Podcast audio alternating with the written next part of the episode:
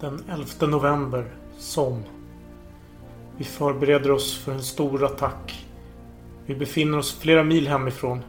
Vi befinner oss i en lerig, skitig skyttegrav. Alla mina vänner från den dag vi anlände till fronten har jag fått begrava.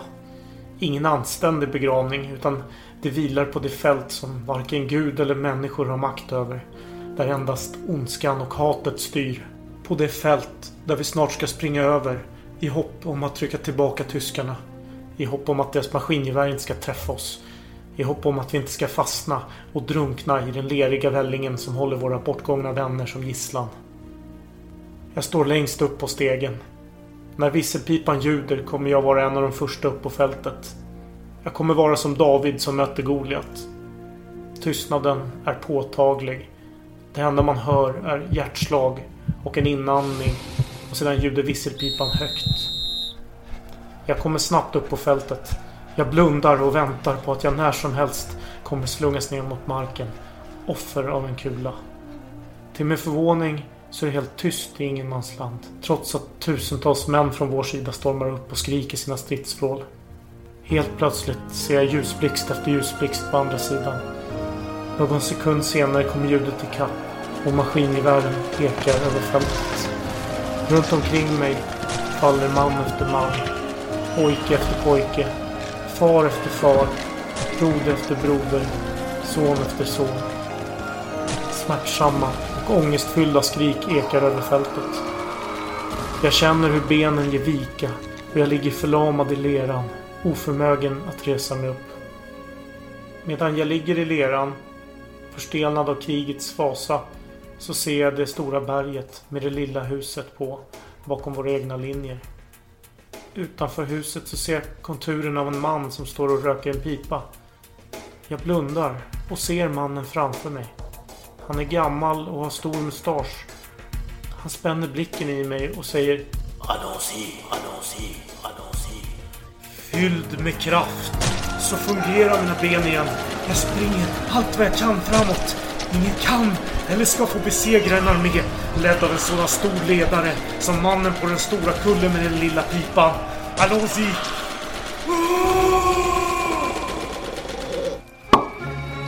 Mitt konunganamn skall vara Karl den sextonde Gustav. We shall never surrender. Allen Zeiten nicht die Mehrheit. Kom inte med en sån jävla provocerande och aggressiv ton mot mig.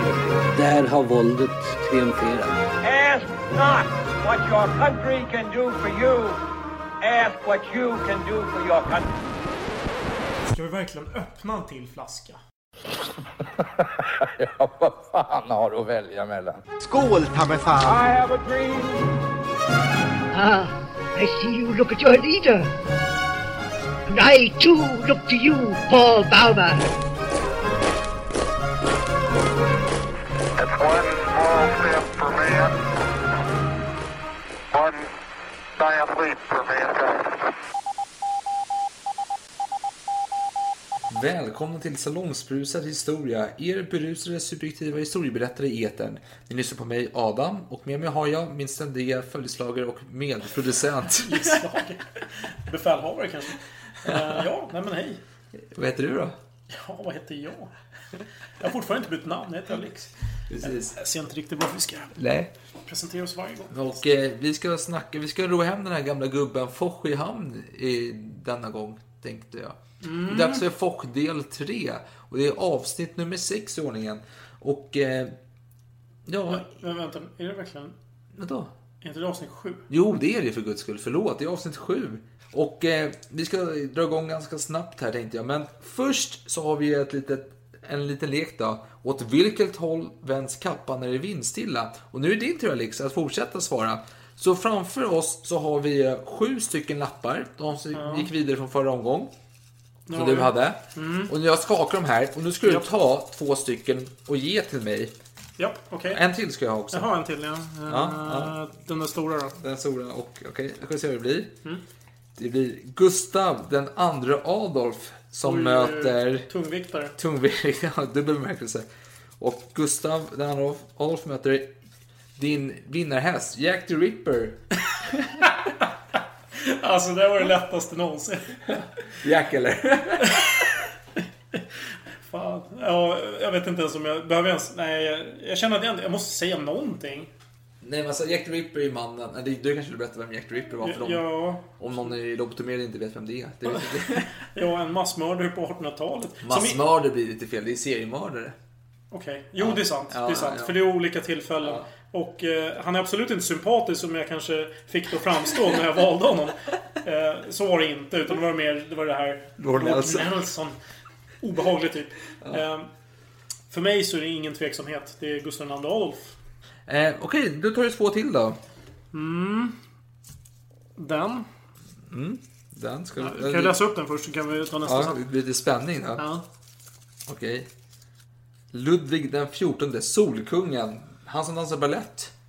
Just det. Eh, Spelar någon grekisk gud va? Ja. I den balletten. Precis. Och från... Oj, oj, oj! Det här är spännande. Det här är ändå två utav sin tids största despoter. Gustav III möter Ludvig den 14. Solkungen mot eh, Gustav III. Mm, jag ser ju lite som lärjungen till mästaren. Så att Mm. jag säger Ludvig den 14. Va? Ja. Hur fan kan du välja Ludvig den 14 före Gustav III? Det är solklart. Nej, men det, det är solklart.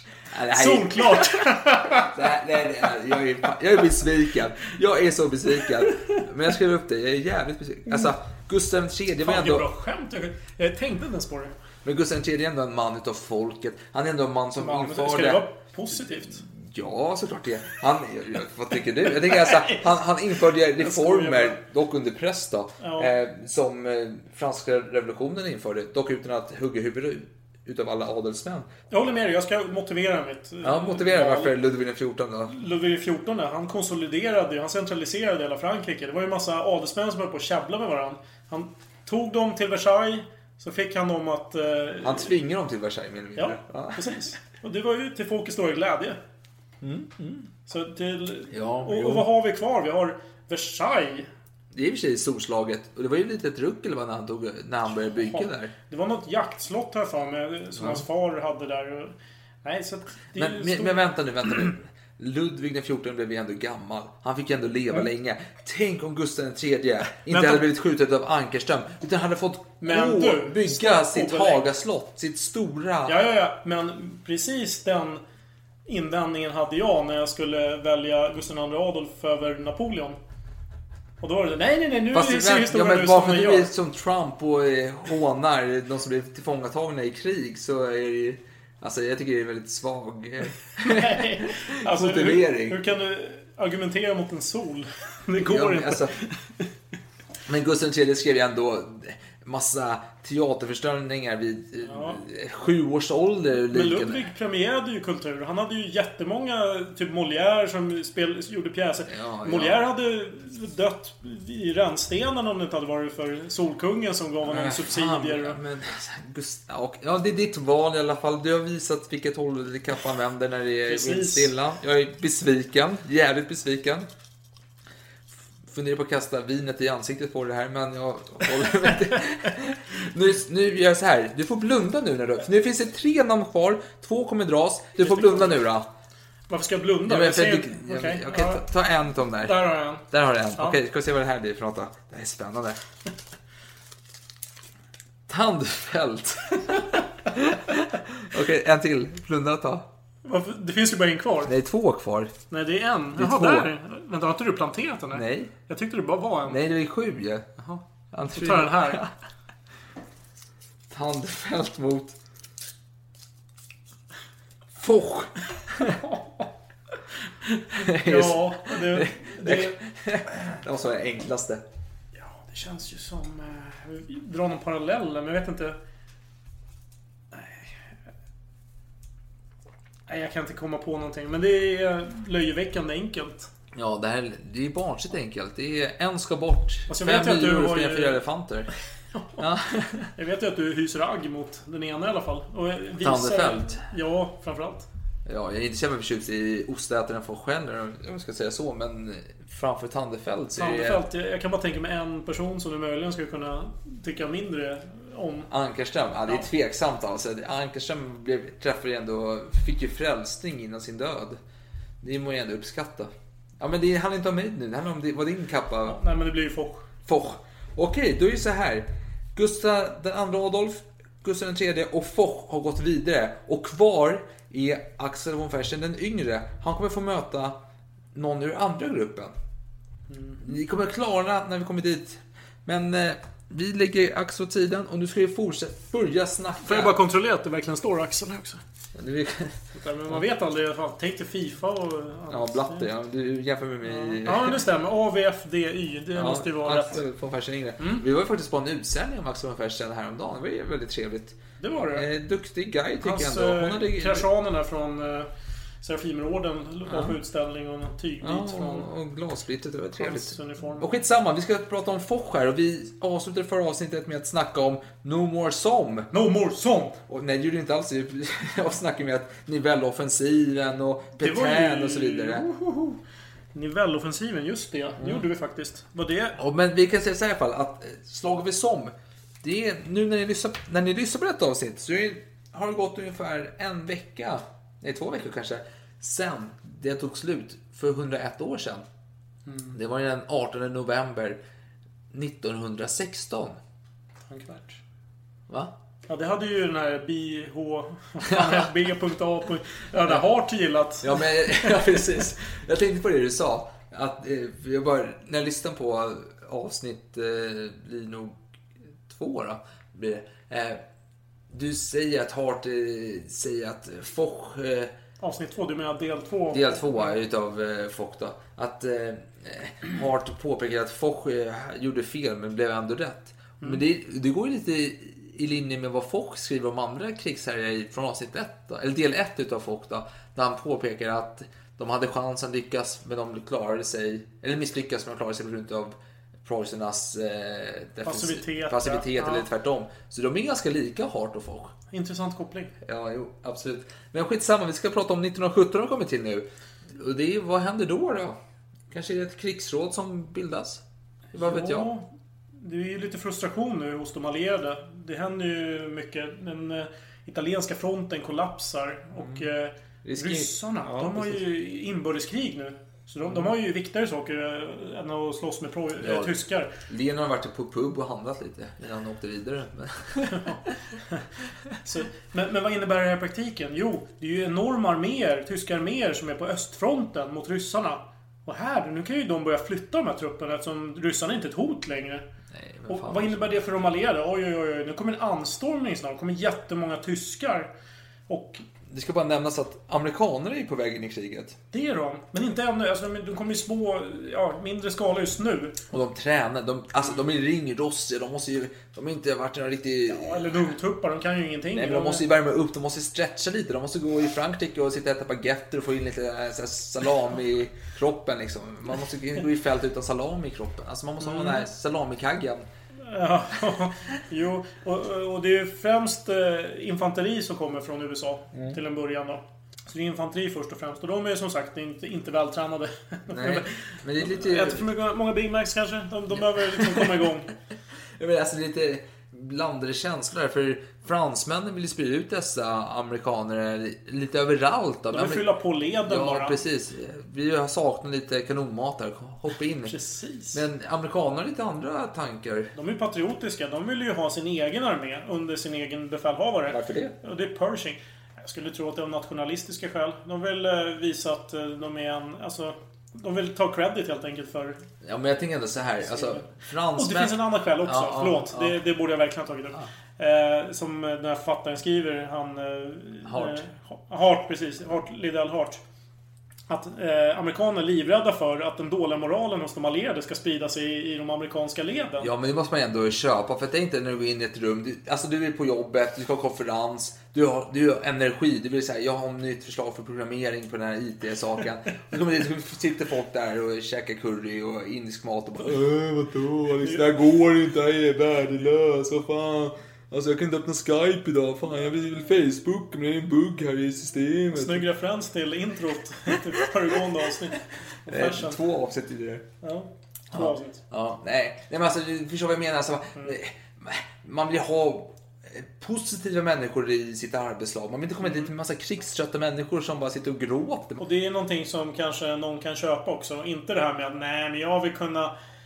Jag vill ha credit för det här och så vidare. Nej, så vidare. men man vill ha ju moralen Men, alltså. Fast det kan ju vara så att bakom kulisserna så är det Jo, därför. jo, men vänta nu, vänta nu. Om vi ska gå till vad Foch själv säger, så säger han att männens moral är det viktigaste. Det psykologiska spelet. Man ska tro på sin sak. Kommer det till krigströtta fransmän som eh, saknar sina Eller baguetter. britter för den delen. Nej, fransmän. Britter är ju starka. De är... Ah, det. Vänta Vänta, nu, vänta, nu. ja. vänta nu. Vad säger Foch själv under Agadekrisen? Eh, När han besöker Ca- Cambridge. Jo men han säger britter är så härligt Men det fysiskt före folk. kriget. Ja men de är goa och Ja, glada. men vänta nu. Jag har ju någon annan, jag kommer inte ihåg, det var någon brittisk författare, jag kommer inte ihåg om det var Tolkien eller någon annan. Han hade ju, han hade ju citerat eh, franska, eller sagt om de franska soldaterna att They are the grandest, the French soldiers. Alltså det var verkligen det finaste och ädlaste och modigaste. Det var ingen snack. Vad fan Tolkien? Ja men vad fan Tolkien skriver ju bara fantasy. Jag tror i och för sig att det var Sir Arthur Conan Doyle som sa det. Så sa det ja. ja. Han, ja. I've got the blues, I've got the blues, I've got the alcoholic blues. No more beer, my heart to tears. ja i alla fall. Men eh, 1917 har de kommit in i alla fall och eh, som sagt... Eh, Ja, det är ju det här kapplöpningen. Kapplöpningen Du har havet. amerikaner som kommer västerifrån och du har ju massa tyskar från östfronten som kommer österifrån. Och nu, gäller det att liksom försöka avsluta kriget snabbt. I alla fall för tyskarnas del. Ja, de har ju mycket att förlora här. Kommer amerikanerna in i form? Blir de uppumpade, De är många. Muskulösa? Det är inte roligt att möta. eh, den, terrorbalansen rubbas på västfronten kan man säga. Precis. Och ja, och Så, så, så, att det, det är ju, så här ligger det till att eh, de allierade vill bara hålla tyskarna stången nu under den här tiden. Mm. Tills amerikanerna kan komma i stora volymer. Medan tyskarna, de känner att så fort vi har kunnat, så fort som möjligt bara skicka alla jäkla trupper till västfronten. Så nu, nu kör vi på. Tyskarna satsar ju på västfronten. Och vad svarar de allierade med då? Jo, de startar ett krigsråd som håller till i Versailles i Kungliga slottet då, i, utanför Paris. Och Foch blir ju utnämnd till den franska, eh, vad ska man säga, representanten i det rådet. Ja, så han blir, alltså nu misstänker jag, jag har ingen fakta på detta, men jag misstänker att han blir någon form av sommelier fast för ostar för rådet. Ja, alltså det var ju en väldigt informell stämning för en känsla och de skämtar väldigt mycket i det där rådet. Ja. Det har jag en del källor på, men vi ska inte prata om det. Nej. Och, men Hur slutar det hela då? Hur, hur eh, krigsrådet slutar? Ja, men eh, folk börjar ju influera det här rådet att... Att det nu. Fan vad du välter saker. att... Eh, han han influerar det här rådet att det, det funkar inte så effektivt just nu. För att även om han ger råd till de respektive befälhavare för ja, de olika nationerna. Så är det inte alltid de efterföljs utan tvekan. Så han känner att han inte har den här pondusen som han borde ha. Nej. Så han eh, börjar ju då... eh, Ja, han sår frön för att det behövs en eh, generalissimo. Och det här är någonting som britterna avskyr. Men De är- vänta, ja, vänta, Generalissimo, det är en stark titel alltså. Det är, Det är en väldigt stark titel. det är en otroligt stark titel. Det är ju det. Är ju det, det, är ju Det är, alltså, det, det, är kärn, alltså det är titlarnas kärnvapen så att säga. Alltså Mm. det, det blir inte bättre än att, en Generalissimo. Nej, precis. Och britterna, de har ju sin nationella prestige. De är ju ett imperium. Det är ju liksom världens största imperium just nu. Ja, men tänk dig alltså socialdemokrater, moderater samarbetar en regering. Vem ska vara statsminister? Och sen i och med att kriget utkämpas just i eh, Moderaternas hörna på något sätt så, så, måste, så, så är det Moderaternas ledare som då skulle bli överbefälhavare.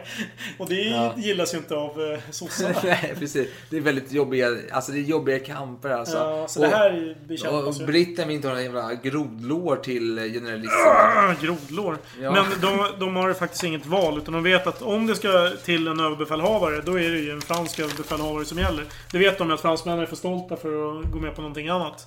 Ja, och britterna tänker att det är inte deras hemmaplan de är på. De är ändå på främmande mark, så de kan ju leva med tanken. Även om det tar emot så kan de ändå leva med tanken på att en, ett grodlår sitter här och eh, för befäl. Men i mars i alla fall, då, då börjar tyskarna, då kör de sin våroffensiv. Mm. Den här klassikern. Ja, ja. som sker under Klassiker. dimma. Eh, Nej men det, det är dimma och eh, de allierade är helt Men, överrumplade. men tänk dig alltså Tommy Nilsson, dina färger var blå fast i krig. Det här Mm, det förstår dimma, lite romantik i luften. Romantik vet jag inte. Ja men alltså... Jo, alltså krigiska lustar växer i livet. Alltså det är, alltså det är... Du, du känner svett, blod, tårar. Det, kanske tyskarna kände det, men, men de allierade, de, de blev helt överrumplade. De hann inte kommunicera till de bakre leden när, när de blev stormade. För att eh, de, tyskarna hade tydligen haft dämpat sina steg. De hade gömt sig. De hade haft bomull och skit så bara för att hålla sig tysta. Det var, det var verkligen helt från, en blixt från klar himmel. Ja, okej. Och, och det här, nu, nu börjar de allierade svettades rejäl, svettas rejält. Jag kände bara oh, Nu kommer det här, vi kommer förlora kriget. Tänkte de. Så då, då, i panik så utser de då Foch till generalissimo. För det var ju ett av de här, de här halmstråna som de försöker eh, greppa tag om. Ja, nu är alltså vi 1918. Ja, ja, i mars eh, för 1918. tydliggöra det hela. det kanske jag inte Ja. kom in på. Bara så ni, ni som håller koll på årtal är med i matchen. Okej. Så Foch har fått den här utnämningen, generalissimo. Han tar emot några journalister. Och när han tar emot dem då beskriver han den 27 mars som vändpunkten. Och det var faktiskt några dagar innan han blev utsedd officiellt. Och eh, de här journalisterna har noterat att hans högkvarter var spart- spartanskt inrett. Det var ett bord med en telefon, ett anteckningsblock och en stor karta på en vägg med markeringar och färgkritor. Han talar till dem med låg behärskad röst med halsslutna ögon. Det är hårt väder ute, men vi måste ta det som det kommer. Jag önskar er bättre väder och goda nyheter. Det är en tid då vi alla måste jobba hårt. Ni ska jobba med era pennor och vi med våra vapen. Alltså färgkritor, vad fan håller de på med där inne? Färgliga Det tilltappningsteckningar. var ju 1918. 9 april. De allierade är nöjda med hur folk har hanterat sitt ämbete. För att citera Lord Crew från det brittiska parlamentet. So far as a single command was concerned there was no officer of the French army more admired or more trusted by the British troops than General Foch. When the news came that he was in command, there ran through the ranks the feeling that now the French and British armies were at last fused into one great fighting force under a master of war! Syrgas, någon? nu landar här. Alltså nej, vad fan är det för dynga? Nej. Alltså det här är ju en jävla propagandaskit. Alltså det är som att Propaganda, eh, det är Goebbels har suttit där mitt emot mig och lyft saker. Herre. Jesus. Ja. Nej. Ja, Eh, ja, men i juni då hade stora förstärkningar kommit. Från, eh, för de allierade. Från Storbritannien och framförallt från USA. Tyskarnas offensiv den hade helt stannat av. De börjar nu förlora mark istället. Och enligt en tysk tidning, eh, Deutsche Tageszeitung, 4 juli 1918. Eh, så hade eh, tyskarna då läst, analyserat Foch och tänkt att anledningen till att han inte har gått i någon större motoffensiv ännu är för att han har använt sina reserver. Och som en följd av detta så satte den tyska kronprinsens armé in då man trodde att de allierade inte hade någonting att sätta emot längre. Men Foch hade istället byggt upp en stor styrka. Två arméer i en skog att använda som en eh, battering ram. jag, jag, jag tänker så här. Tyskarna missbedömer Foch totalt här. De tänker att han använt sin reserv. Men Foch, han har tagit paus från kriget. Alltså han, han, vill, han vill äta oliver. Alltså han, han vill sitta och... Han vill läsa Bibeln. Han vill ta Alltså han tänker så här. Läsa Bibeln vill han säkert göra. Nej, men han bara, gud vad mycket intryck det är nu. Jag måste ta en paus här. Alltså vi tar det lugnt i en vecka. Okej, okej, okej grabbar. Hur det än var så var det ju ett lyckodrag. För tyskarna de blir, he- de blir fullständigt överraskade nu. För att den 18 juli i gryningen så anföll de allierade. Och det var ett kort bombardemang. Bara för att behålla eh, överraskningsmomentet. Tidigare hade fransmännen haft bombar- bombardemang i flera timmar. Och då hann ju tyskarna gräva ner sig och så vidare. Och så vidare. Ja, de, har hade, de hade inte bråttom ut från sina skyttegravar när det började bombas. Det var lite skön eh, sound effects liksom för när de hade halloweenfest liksom. Så här, det, 17. Men det är bra timing på det. Eh, nej, men det var... så de, de körde det där överraskningsmomentet. Och för att citera någon bok, men jag vet inte vilken. Det var knäpptyst i skogen, trots att den var full av män och vapen. Sen plötsligt, vid en given tidpunkt, när morgonen grydde, så hördes ett enormt dån från alla vapen och hela fronten sysselsattes då män och pansarvagnar rusade framåt för anfallet. Tyskarna hade, de hade satt in alla sina reserver. Det var flera amerikaner på väg. De hade helt förlorat initiativet. Fochs offensiv var hänsynslös. För Foch, så, så fort han kunde så borde han eh, mindre anfall hela tiden. För han ville ansätta tyskarna. Han kände att han hade det moraliska övertaget över den tyska armén. Ja, inte bara moraliska utan... Ja, på alla sätt. Och tyskarna, de retirerade längs hela fronten. Så att, det här var vänd, Det var en tydlig vändpunkt i alla fall. Ja. Även om Foch tyckte att det hade skett redan i mars. Så den 7 augusti blev Foch befordrad till eh, titeln fältmarskalk. Och det här var ju inte bara som en eh, belöning om man säger så. Utan han hade ju under sig, eh, i egenskap av generalissimo, så hade han en brittisk fältmarskalk.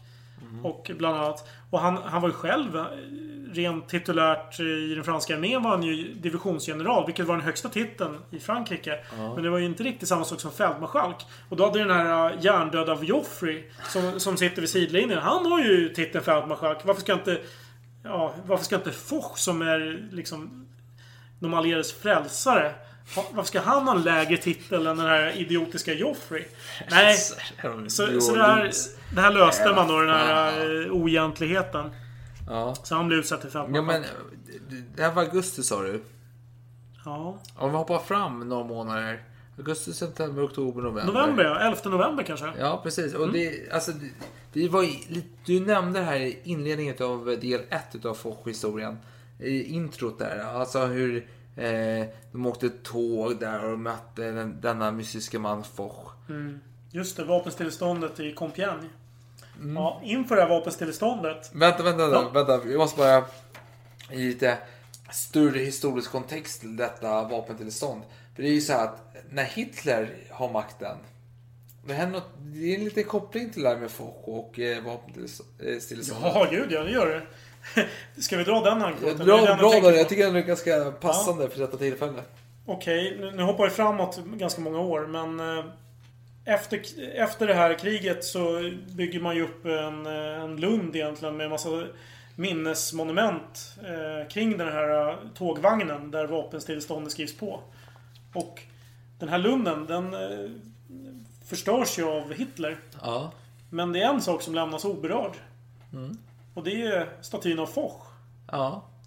Och eh, vad jag har förstått så är motiveringen till att jo men han vill att Foch ska skåda ut över eh, en, ja, ingenmansland. Nej men eh, liksom förött landskap. Det är en förnedring utav Foch postumt. För tyska armén skrev ju på eh, eh, fransmännens kapitulation i samma vagn som Foch skrev under nu då med tyskarna. Och den vagnen eh, var, förstörde inte Hitler men den blev sönderbombad sen i kriget. Ja.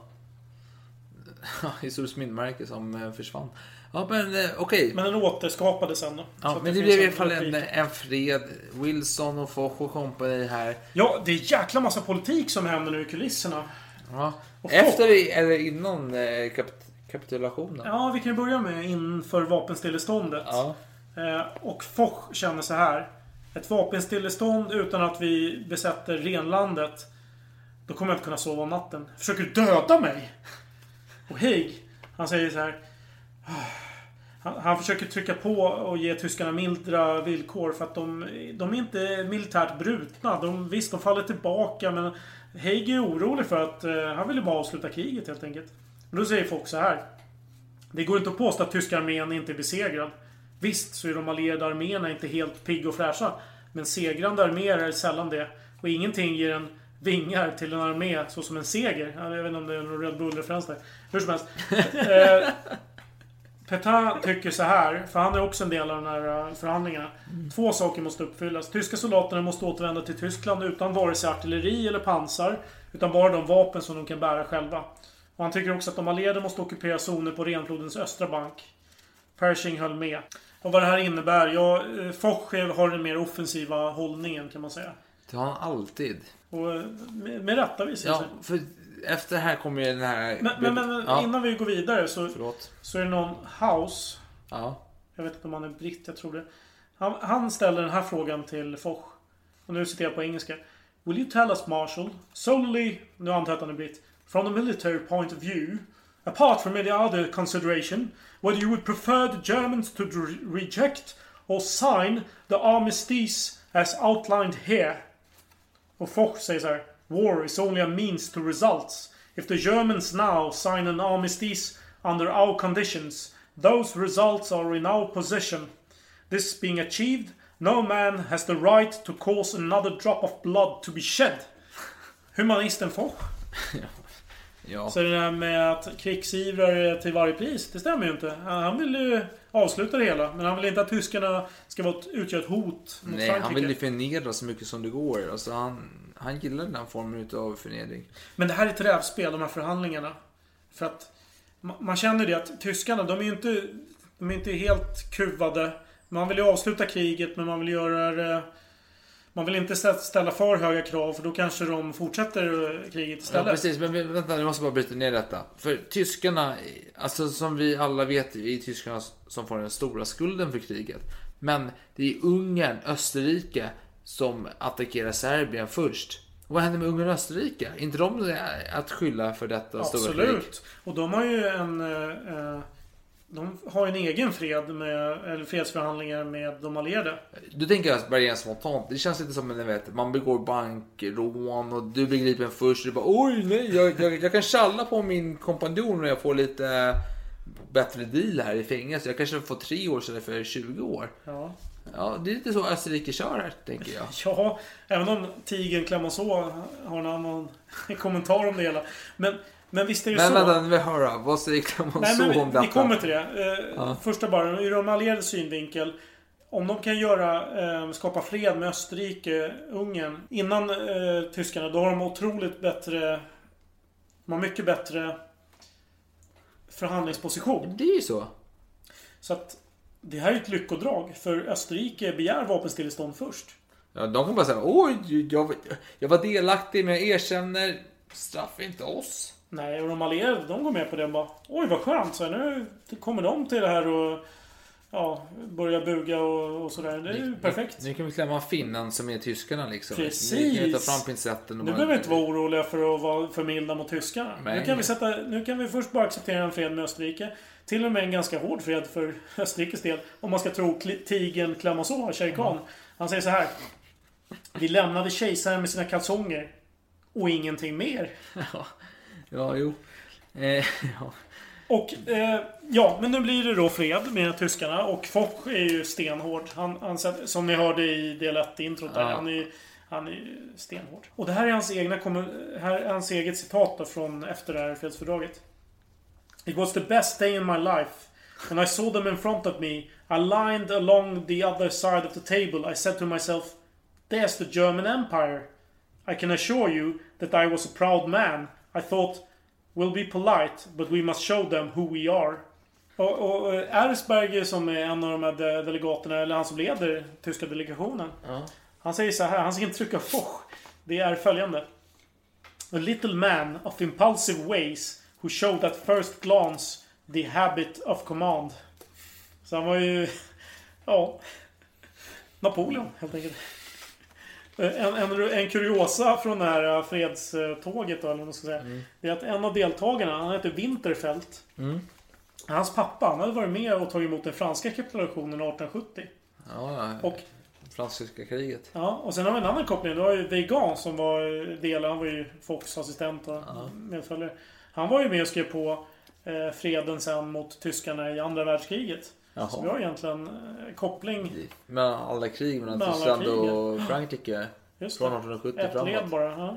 Häftigt. Ja, det är lite intressant. Men Versaillesfreden, alltså då man sitter i slottet och man sitter och tänker vem ska vi skylla på denna detta krig som har kostat så många miljoner män. ja, det är väl opinionen som får avgöra. Det är tyskarna såklart. Tyskarna såklart, varför inte? Varför? Tyskarna, de jävla svinen. Vi, Mm. vi sätter dit dem. Som har sina fula hjälmar, spetsiga hjälmar. Ja precis, och alltså vi- ska komma ihåg att hela Europa lemläste ju Tyskland totalt här under denna fredsfördrag. Alltså Tyskland får bära all- all skuld. De får inte ha någon militärmakt eh, värd namnet. De får ha ekonomisk kris, skulder. Och Foch, vad tycker han om detta då? Jo, han är besviken. Han är jättebesviken. För man har ju inte gjort som, man, som han har förordat.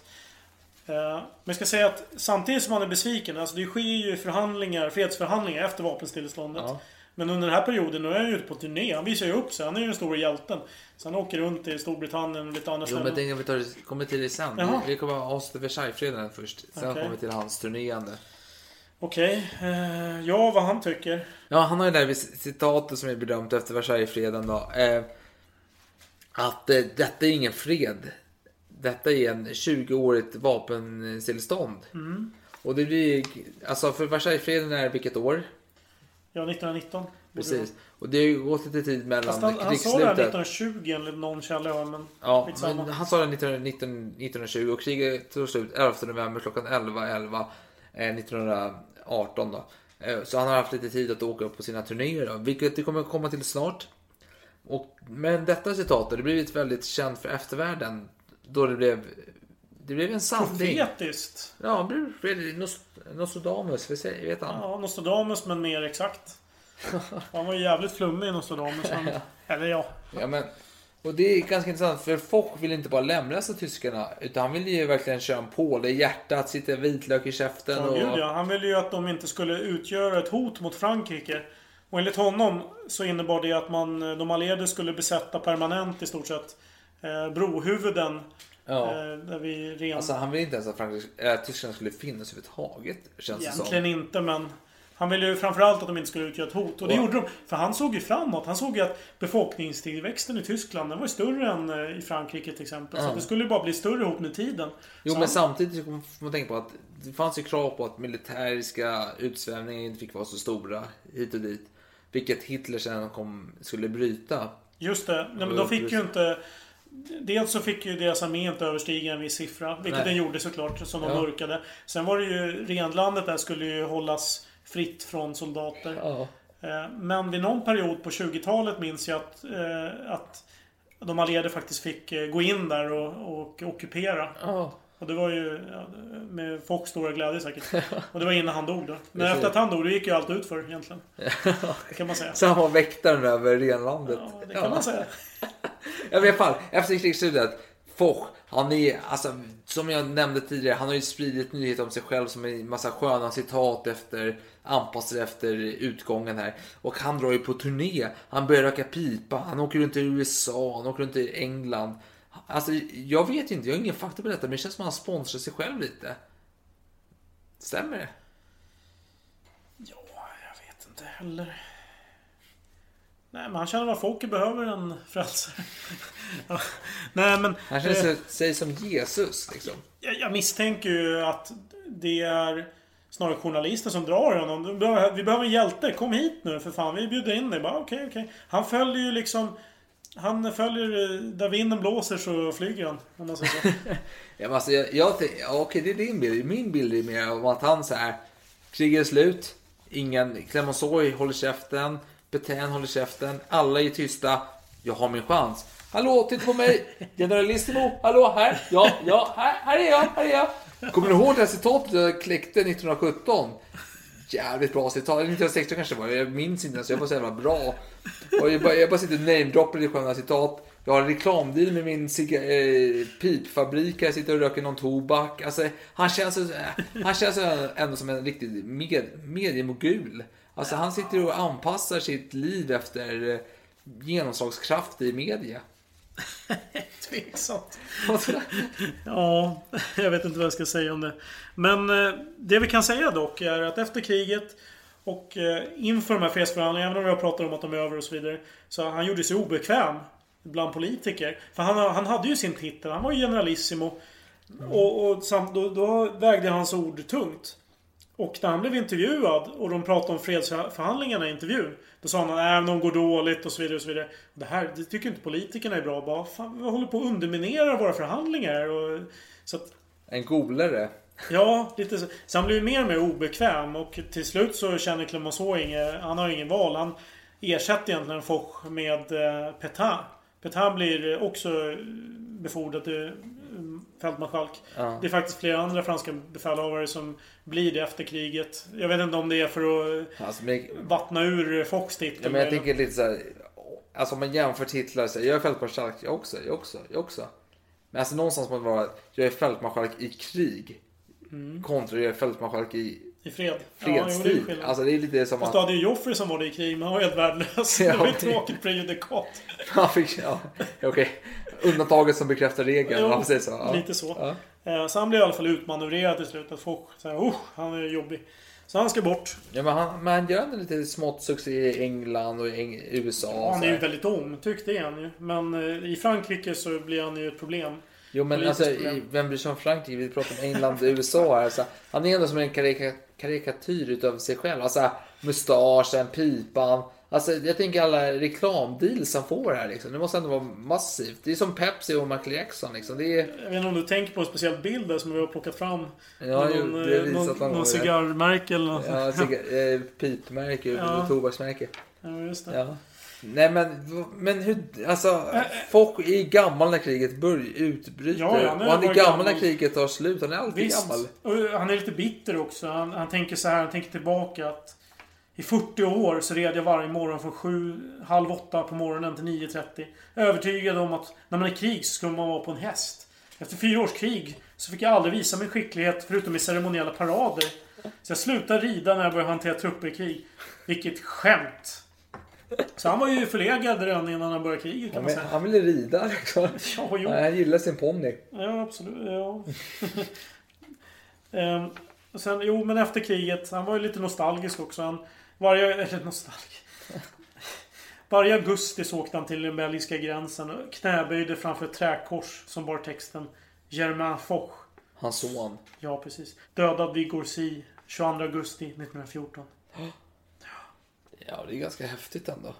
Den här gamla gubben överlever kriget men hans son dör. Och det är ändå alltså... Ja, vad ska jag säga? Fock är ändå en anfallssugen människa.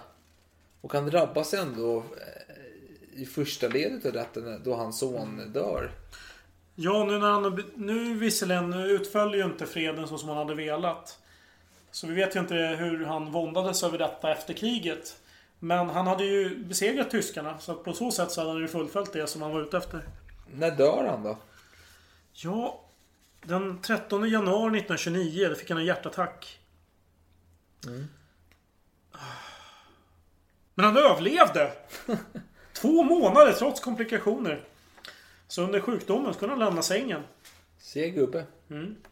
Nya han fick en ny hjärtattack den 20 mars. Vad gjorde han då? Jo, han sa Allons-y. Och så dog han. Vad betyder det då? Mm, Nu kör vi. Eller liknande. Så det var skönt. Det är skönt avskedscitat. Ja, det finns någon... Jag får mig att det var någon brittisk tidning som hade skrivit om det där. Att han, han kämpade som in i helvete fram tills han dog till och med. På något sätt. Ja. Och efter hans död. Eh, då fick han ju ingen blygsam begravning. Eller rättare sagt. Hans eh, gravsättning var ju bredvid sin idol Napoleon. Och andra stora kända franska soldater och militärer. I Invaliddomen i Frankrike. Bland annat bredvid Turenne också. Som vi kanske pratar om senare avsnitt. möjligen. Ehm, och eh, bara för att hedra hans minne så var det ett hangarfartyg som blev döpt efter honom. Det finns en stad som heter Fochville i Sydafrika. Okej, men i London då? Vid Victoria Station finns det en staty. Av honom. Och han är faktiskt den enda franska personligheten som har en staty i London, sägs det. Och han är den enda fransman som har fått den brittiska titeln fältmarskalk. Och jag vet att vi nämnde i kanske avsnitt ett att Ja. han hade titel i tre olika länder. Det stämmer inte. Han hade titel i fyra olika länder. Vilka, vilka fyra länder är det då? Frankrike, England. Ja, kronologisk ordning. Då var det ju först Frankrike 1918. Sen 1919 i Storbritannien. Sen 1921 så blev han överste i Kungliga 22 regementet i Kanada. Av någon anledning. Han hedrade dem med någonting. Jag läste någonting. Äh, skitsamma. Och eh, även marskalk av Polen 1923. Så ingen amerikansk titel alltså? Nej. Eh, och det här var en intressant episod i boken eh, som jag läste. Att just i samband med att han fick titeln fältmarskalk i Storbritannien fanns det tydligen ännu finare titlar man kunde få. Men Storbritannien, deras eh, hållning var att Nej men de här riktigt stora titlarna det är ju Frankrike som får ge dem. Det känns inte rätt att vi ger, ger dem. Liksom. Och eh, amerikanerna är som lillebrödet till storbritterna så de bara ja, okej vi tänkte ju göra honom till general av arméerna i USA men okej ja men vi, vi skiter i det. Troligt. Ja men om vi ska sammanfatta Fock då. Är han en eh, modig hjälte, krigsherre eller är han en liten rädd fege som bara vill käka sköna franska rätter och lite ostar och bara njuta av livet och ge sig vid till Guds större ära? Vad är, vad är din slutsats? Jag tycker det var väldigt mycket fakta på en gång. här. Jag menar, en fegis. Det är man ju inte om man blir flyttad från fronten och kan leva ett lugnt liv om man vill. Men verkligen hetsa sig till, en, till att hamna i stridens hetta. Vänta, i stridens hetta. Nu måste vi bara nu måste vi eh, utveckla. Vad är stridens hetta för folk? Det är på en kulle i Flandern. Mil från eh, fronten. Man kan ju se granaterna med kikare. Alltså- Ja, men vad fan, det är inte, det är inte så att eh, Berta, tyskarnas stora artilleri, kommer nå honom Tjocka där. Berta. Nej, alltså han sitter på ett tryggt avstånd liksom. Ja, Det är ju förvisso en skillnad att föra krig eh, på 1900-talet jämfört med några hundra år tidigare. Ja, När man satt på häst och ledde sina arméer. var längst fram i ledet. Nej, jag, jag känner så här, Foch är ändå, alltså han, han är en opportunist. Han ser, han är en latmask som lyckas bra och ser sin chans att profitera på det hela. Eh, Han säger faktiskt så här. Eh, nu har jag citat på engelska. Jag försöker översätta på svenska direkt här. Men okej, att leda trupper är eh, givetvis det största nöjet i det militära livet. Framförallt är det så om man är kapten eller överste. För en kapten så är eh, eh, den direkta kontakten med ja, soldaterna vid fronten. För översten för att man har för ens direkta influens över officerarna. Och det är genom officerarna som översten formger sitt regemente så att den blir en eh, bild av sin eh, befälhavare. Ja, men alltså det här är man står sig äran för att hundratusentals, miljontals unga pojkar har dött. Och han ska sitta och ta åt sig äran för detta. Alltså jag känner spontant att Foch är ett jävla svin alltså. Han är en... Svin! Ja men alltså han, han, han hör hemma i Dantes helvete. Punkt slut alltså. Det är min slutsats. Alltså det är ju den mest fromma mannen som kanske Nej, finns eh, under det här kriget. Ja men alltså jag, jag måste ändå vända kappan lite här. Alltså jag har varit ganska hård mot eh, Foch hittills i de här tre avsnitten. Men eh, ja, alltså jag gillar ändå, det är någonting, en liten hatkärlek jag har till Foch ändå. Han var ju ändå, jag uppskattar mannen som odlar myten om sig själv. Alltså jag tycker jag det är härligt med sådana karaktärer som skapar färg i en svartvit vardag. Men det här baserar ju på din egen teori att det är han som har odlat myten. Det finns ju ingen belägg för det. Förvisso, men vad fan. Vad, vad känner du då? Tror du att han har bara gått runt ute misstag? Så här, mannen på gatan så får massa publicitet. Ja, jag tror att det låg i nationens intresse att skapa hjältar under kriget. Bland Ja. annat. Ja, jo, ja, jo förvisso, men fan. Men hur ofta är det rätt, de som gör mest som får mest uppmärksamhet efteråt. Det är ofta sådana här sunkhasen som sitter och äter curry som får all beröm, medan den som sliter hårdast i gruvan och svettas får eh, lavett och lite skit. Liksom. Alltså, Ja, det känns som att eh, det är ju många som har haft sin tid i rampljuset och åkt ut av olika skäl. Så det kanske till slut hans minst korrupte som... som får. som Men du menar alltså det är undantaget som bekräftar regeln här? Alltså Foch är den här hjälten som får den uppmärksamheten han förtjänar.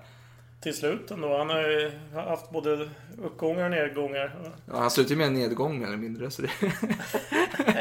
ja, han blir utkastad Ja, ja, mer eller mindre. så, ja, jo. kanske fick som han förtjänar det. Korrupt jävel alltså. Men eh, han slutar ju ändå i eh, invaliddomen bredvid Napoleon. Så Ja, okej. ja, eftervärldens dom var givmild.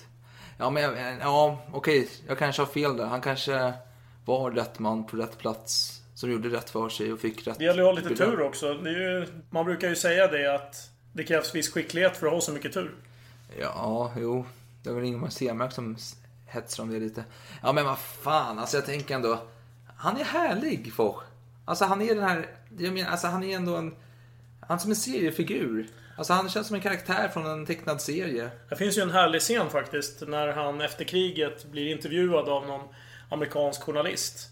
Och hur gick det då till när jag vann kriget? Jo, men jag segrade genom att röka min pipa. Men alltså, vad fan, du, alltså nu, nu vill jag hata på den här jävla gubben igen alltså. Vad fan är det för ett ego alltså? Jag segrar. Det här är bevis för det jag säger. Men- han men- odlar myter om sig själv.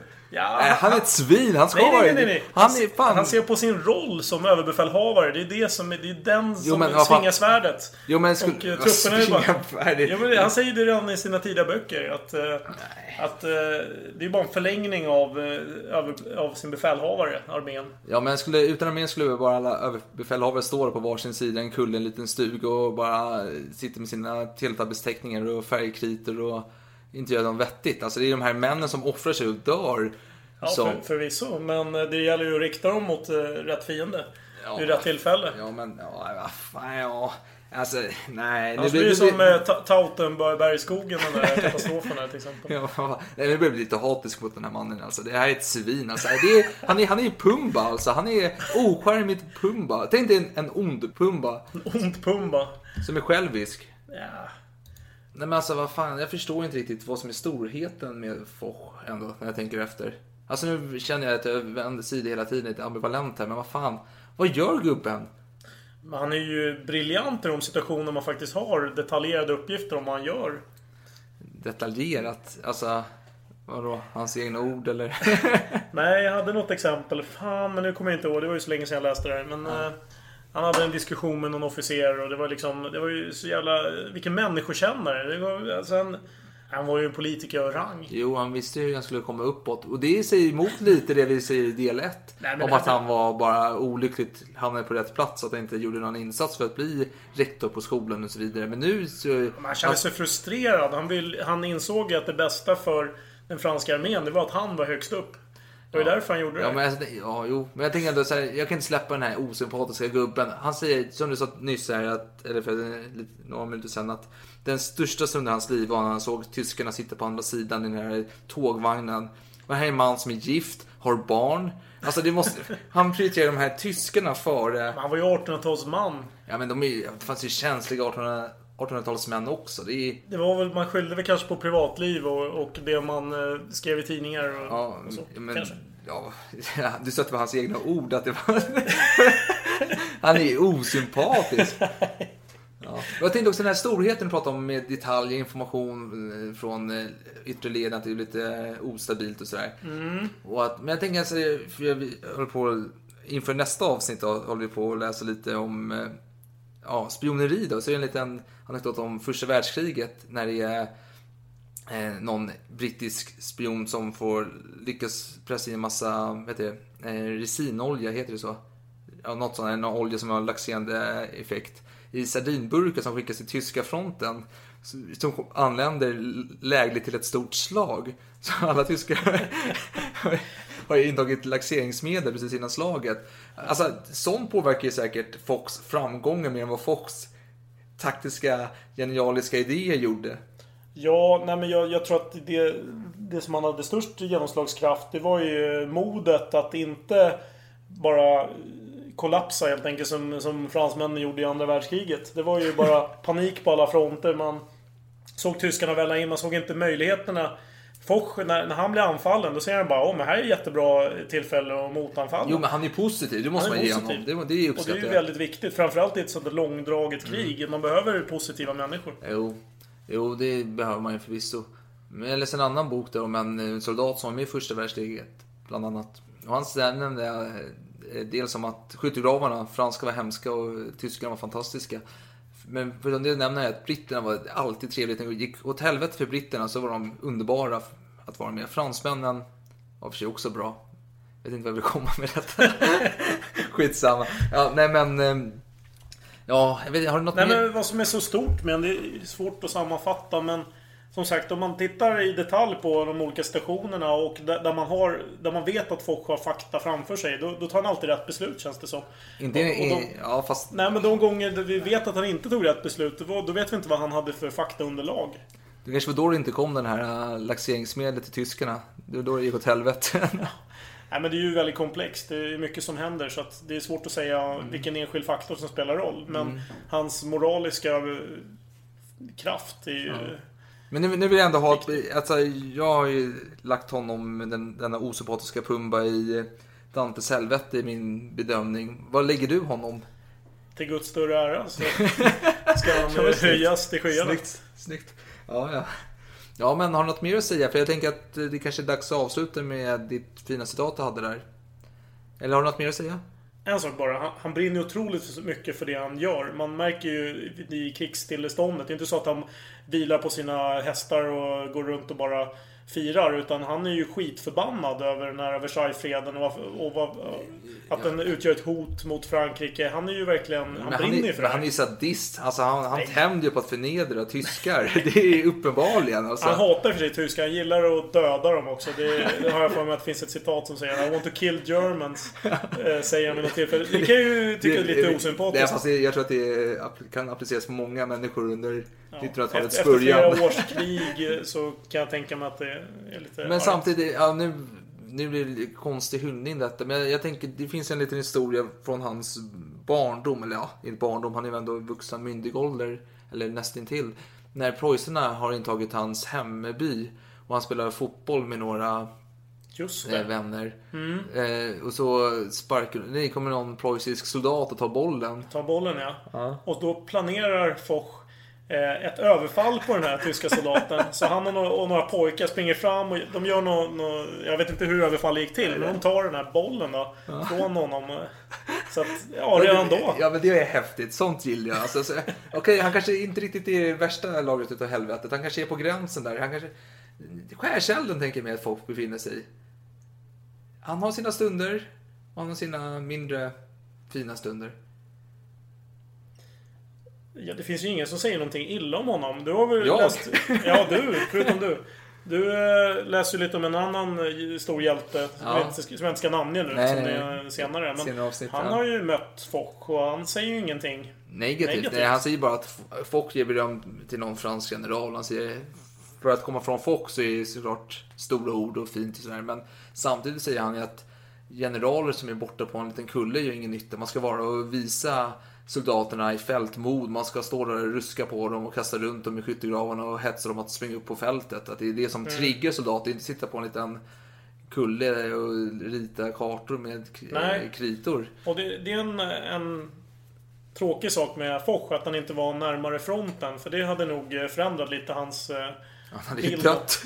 Ja, inte så nära fronten tänkte jag. Utan Ja. eh, kanske bara vid frontlinjen och eh, bakom skyttegravarna då. Ja. Bara för att liksom verkligen eh, verifiera det han eh, tror. För att det pratade ni om innan kriget, där med Ciotti eh, säkerhet. Ja. Och att, att de uppgifter han får verkligen stämmer. Och det man kan inte lita på att alla personer som rapporterar verkligen säger sanningen heller. Så att man får ju Nej, nej. åka och kontrollera det. Och det tror jag har inte har gjorts i många fall. Det finns ju mycket skitsnack som går. Jag tänker även återigen till det här spionsakerna vi pratade om tidigare. När man läser att det är vissa som skickar hem rapporter. Det är saker de har hittat i tidningar och namn. De, har, alltså de hittar på saker och skickar tillbaka till sina stationer. Och, Ja, det är ingen källkritik. nej, nej, och det, de där borta bryr sig inte heller. Liksom. Det var information från min agent. Nej, Perfekt. Det, och det flödar säkert oerhört mycket information så det måste ju sållas en hel del.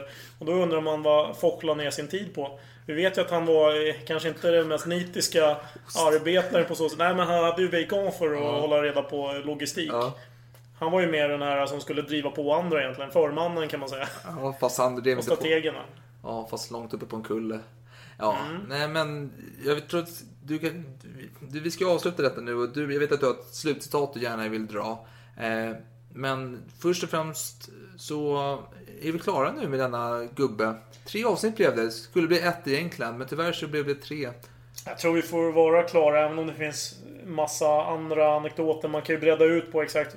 Ja, man kan ju prata hur mycket som helst om Foch egentligen men jag tror inte att det är så många som vill lyssna så får Nej, inte jag i alla fall. Men stort tack att ni tog er tid att lyssna på detta avsnitt. Och ni kan alltid nå oss på vår eh, Facebook-sida, Salongsberusad historia. Skriv in det i sökfältet, kommer vi upp där.